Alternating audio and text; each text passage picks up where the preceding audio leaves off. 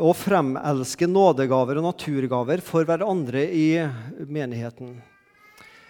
Vi har i, eh, vi har i august, september og oktober et tema som dere ser på veggen som heter 'Hverandre'. Og da prøver vi fra ulike synsvinkler å si noe om det å være en hverandre-menighet. Altså, du og jeg vi kommer hit, vi setter oss ned og vi hører og blir forhåpentligvis velsigna av det og går hjem igjen.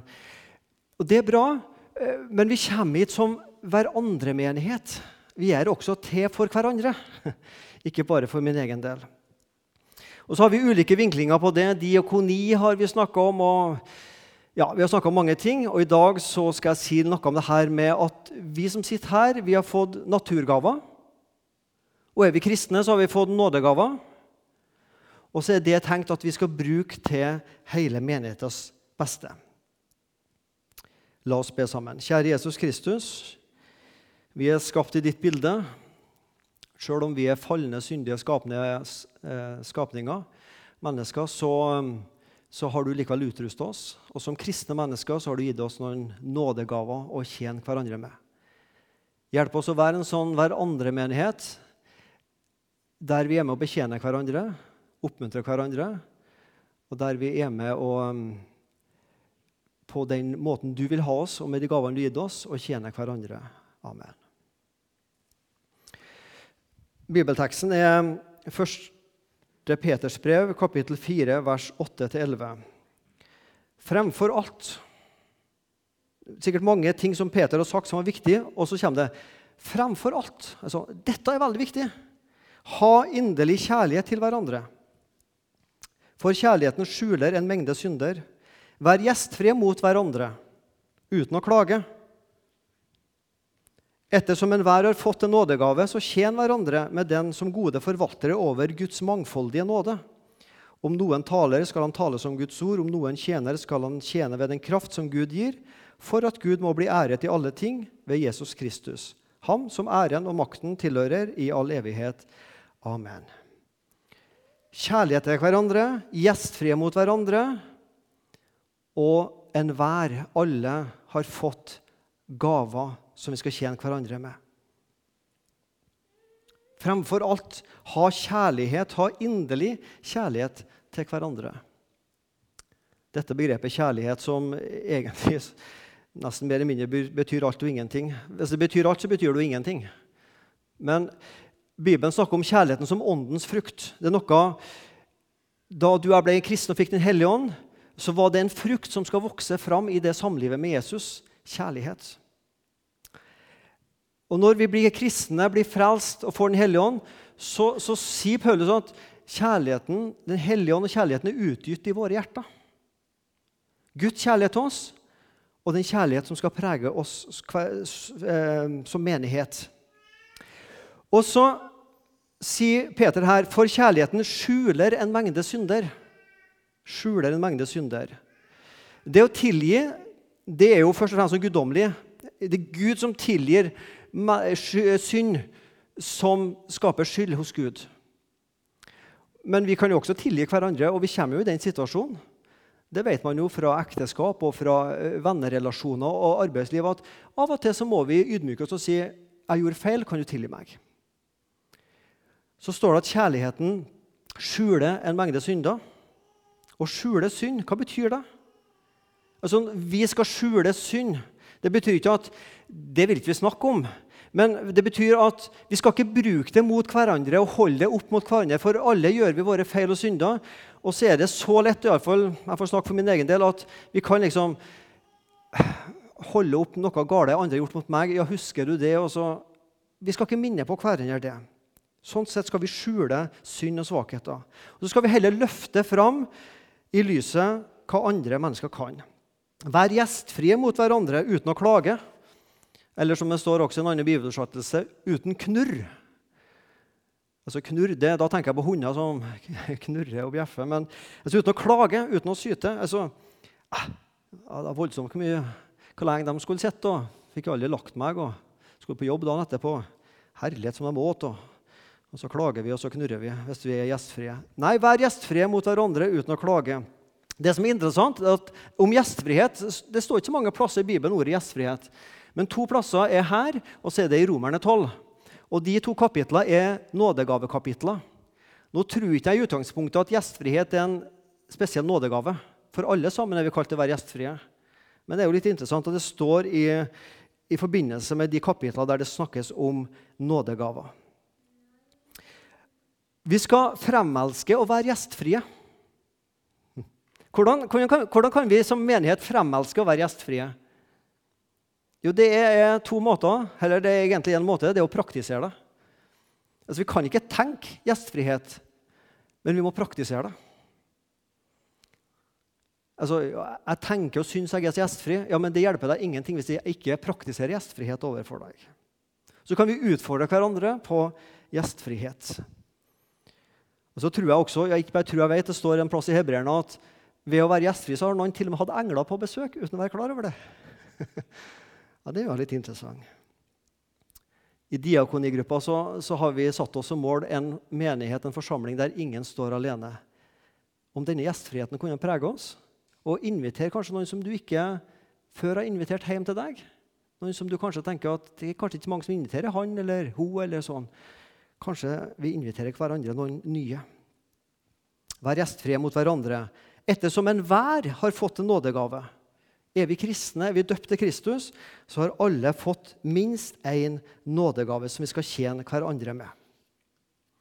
Men hvorfor har Gud gitt deg og meg nådegaver? Jo, tjen hverandre som gode forvaltere over Guds mangfoldige nåde, for at Gud må bli æret i alle ting ved Jesus Kristus. Jo, Gud har gitt oss nådegaver og naturgaver for å tjene hverandre. Og for å forvalte som gode forvaltere over Guds mangfoldige nåde. Å forvalte Guds nåde. Naturgaver det er det vi er født med, eller det vi kan utvikle. Noen er flinkere med hendene enn andre. Jeg har mange jeg misunner som Jeg har ikke ti tommeltotter, sier jeg, men jeg har mer enn to. det vet jeg. Noen er dyktige med hendene. Andre er kanskje dyktige med stemmen og synger eller spiller eller eh, andre ting. Administrerer. ikke sant? Ulike skapergaver som du og jeg har fått, som vi må videreutvikle.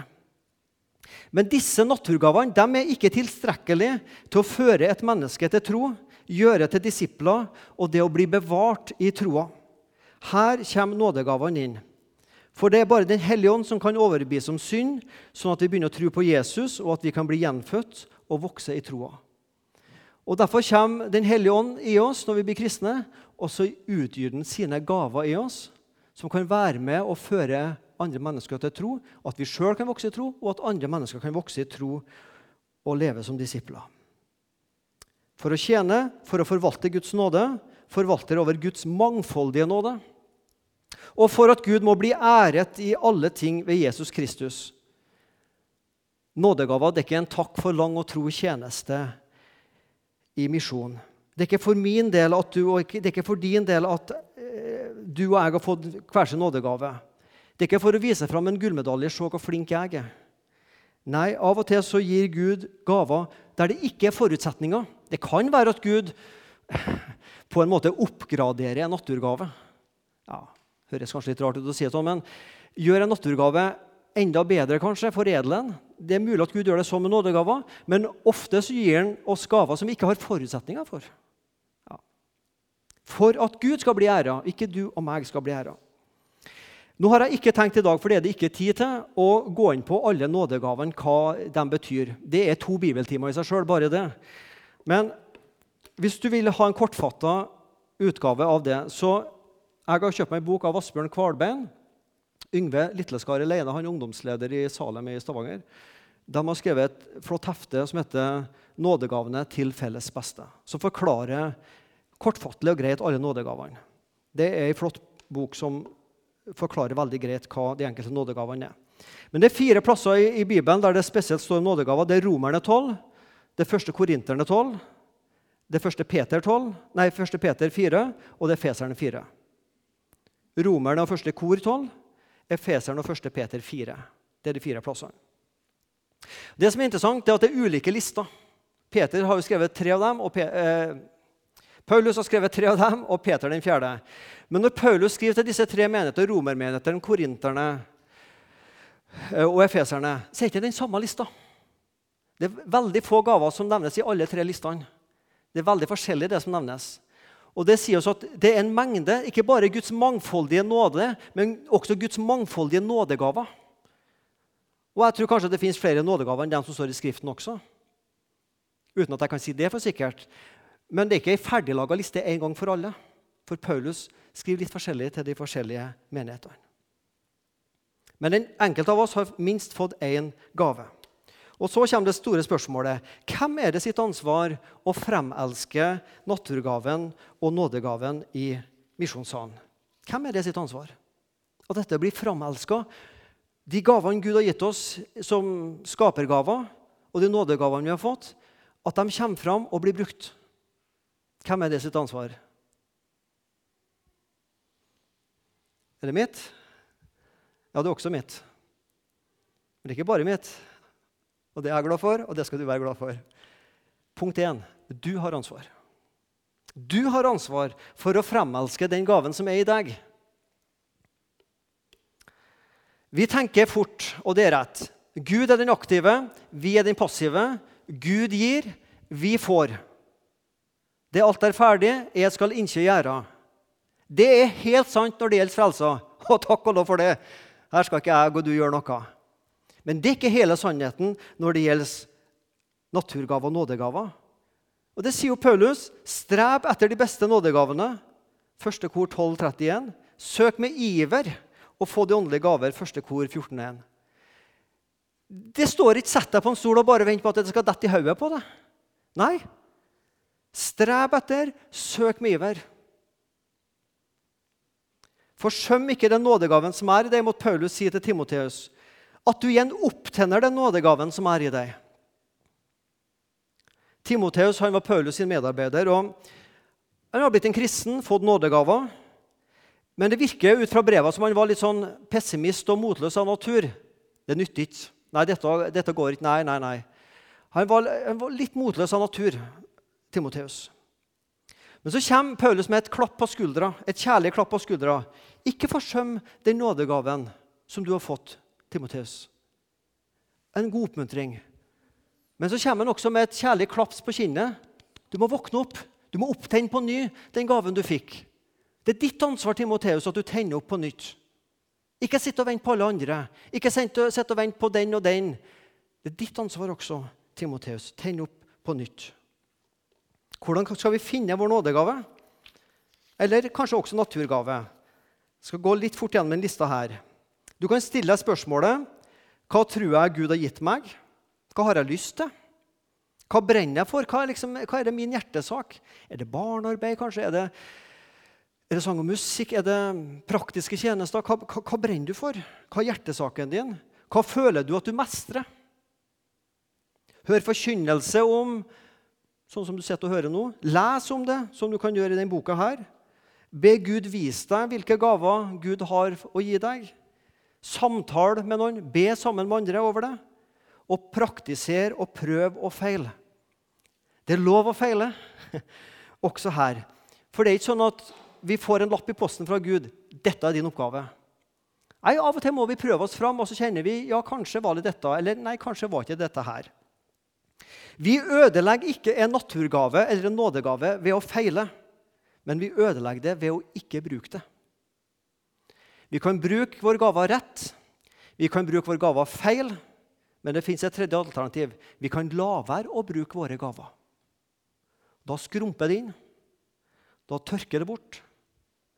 Men det er lov å prøve å gjøre feil.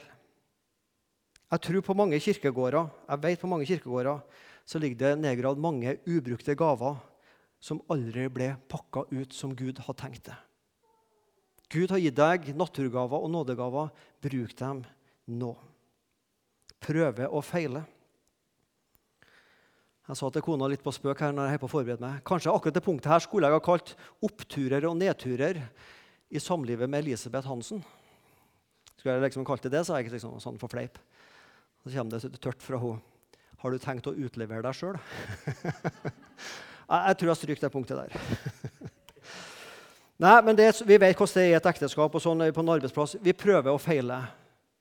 Og Sånn er det også i Guds rike. Det er lov å prøve seg i misjonssalen og finne ut nei, dette var ikke noe for meg. Det er greit. Men ikke sitt og ikke prøv, i hvert fall. ja. Du og jeg, vi har et ansvar. Andre har et ansvar. Dette syns jeg er et veldig flott poeng. Gi, res gi respons, tilbakemelding og takke. Fordi vi er sånn, jeg er for sånn, og kanskje du også, at vi er litt usikre på er det min gave. Og så er det godt å få respons fra andre. Om, om andre ser at vi fungerer i den, den tjenesten. Jeg opplever at du er flink når du gjør sånn og sånn. Vet du, Barna kommer hjem og forteller om deg at de setter pris på det du gjør på barnelaget.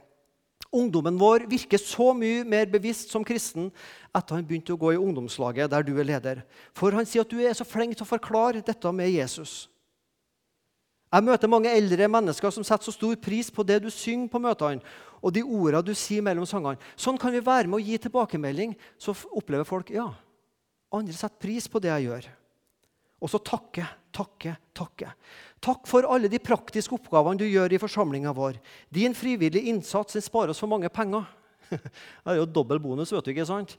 Både får vi gjort ting, og så sparer vi penger. Trenger ikke å leie inn folk. Ikke sant? Det å takke folk jeg synes det er en fantastisk ting. Det, og, det, og, det, er så bibelsk å takke. Hvis du leser Paulus sine brev, så ser du det ofte. Jeg takker for dere når jeg tenker på dere. Og når jeg ber for dere, så takker jeg for dere. Og Jeg tror ikke bare det var i tankene til Paulus, jeg tror han sa det, han skrev det ned for ettertida. Jeg tror det handler om å skape en takkekultur i misjonssalen.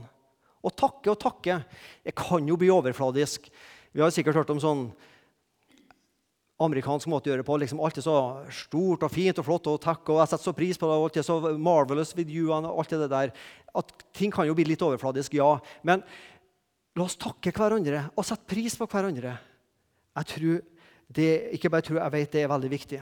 Du skal få en historie her som ikke er sjølopplevd, men som jeg har hørt fra en annen prest.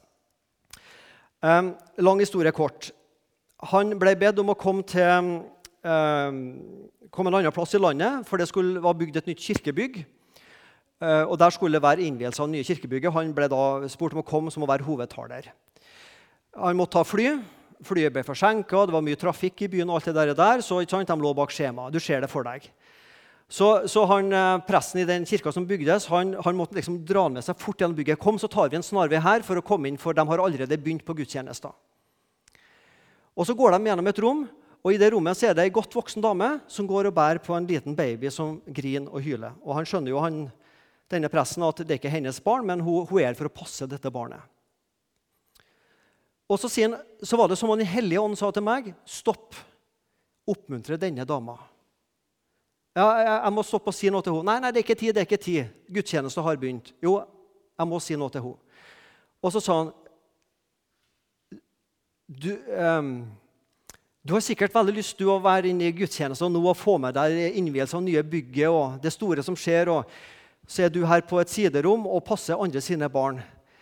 Takk skal du ha for at du gjør den tjenesten, for at kanskje noen foreldre skal få lov å være med på dette. her. Men så ikke mer, og så gikk han inn, og så var det innvielse. og Så skulle han hjem, og så kom dama og stakk et brev til han, og som han åpna når han satt på flyet. Og I det brevet så sto det veldig kort prest sånn og sånn og sånn um, til Jeg har tjent i barnearbeidet i denne menigheten i 20 år eller et eller annet. Jeg har iallfall tjent i barnearbeid i denne menigheten i så og så mange år. Du er den første som sier takk. Og han sa den presten, Jeg ble så sint når jeg satt på flyet, at jeg tok det brevet og knøvla det og kasta det fra meg. Altså. Og Dagen etterpå så tok jeg en telefon til prest i den menigheten og stramma den opp litt. Altså. Vi må skape en takkekultur.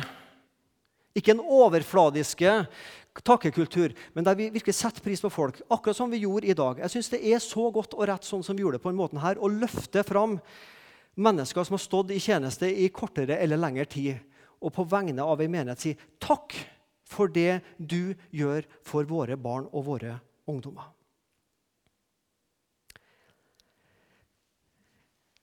Veldig kort, litt til min historie. Jeg er ikke født og oppvokst i bedehus og kirkesammenheng, men jeg kom inn der i tidlig ungdomsår. Og Noe som har vært med å forme meg, det er nettopp dette at noen så meg og takka meg og kommenterte når jeg gjorde tjeneste. veileda meg, samtalte med meg. Jeg husker ennå, sjøl om det er 35 år siden, så husker jeg ennå godt mitt første vitnesbyrd. Jeg husker jeg, det var en, der 'Du kommer ikke utenom Jesus'.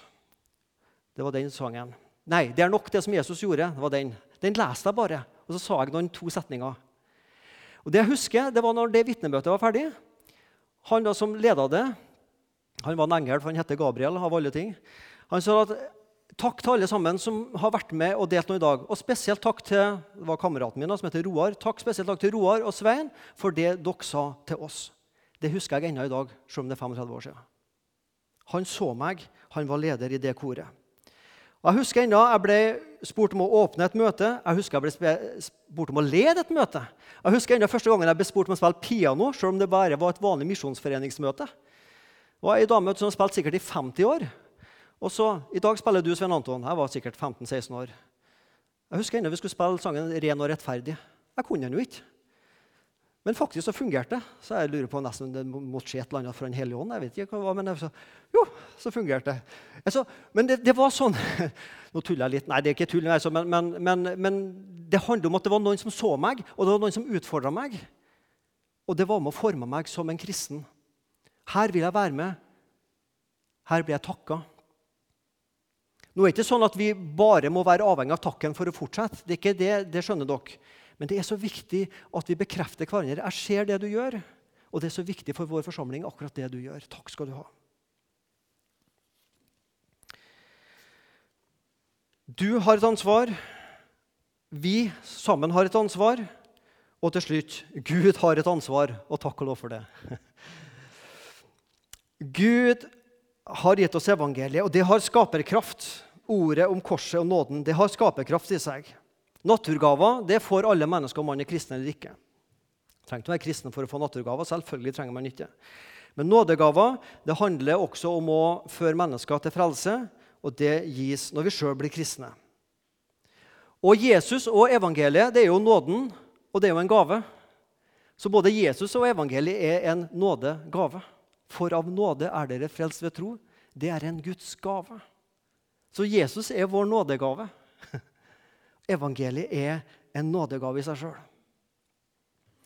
Evangeliet om kjærligheten fra Gud det kaller vi tilgivelse.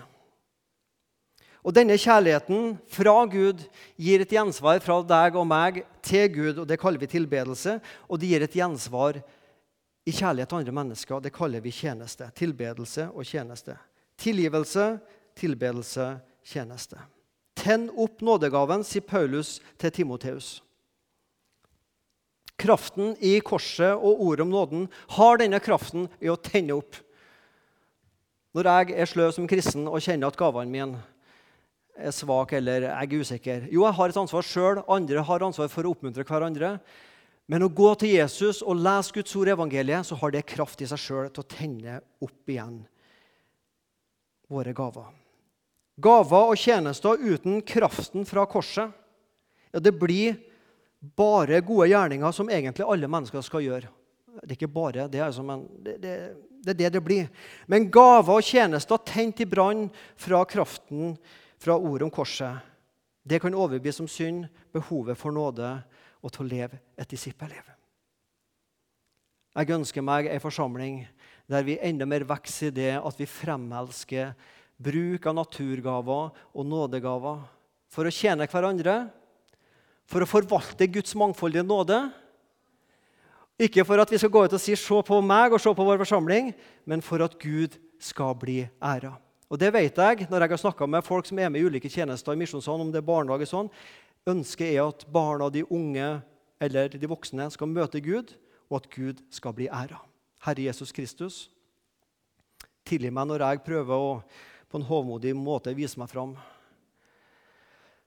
Hjelp oss å ha en sann og god og rett ydmykhet, og hjelp oss samtidig å være ja, skal vi si stolt over, men iallfall bruke de gavene du har gitt oss, til andres beste Jesus og menighetens oppbyggelse.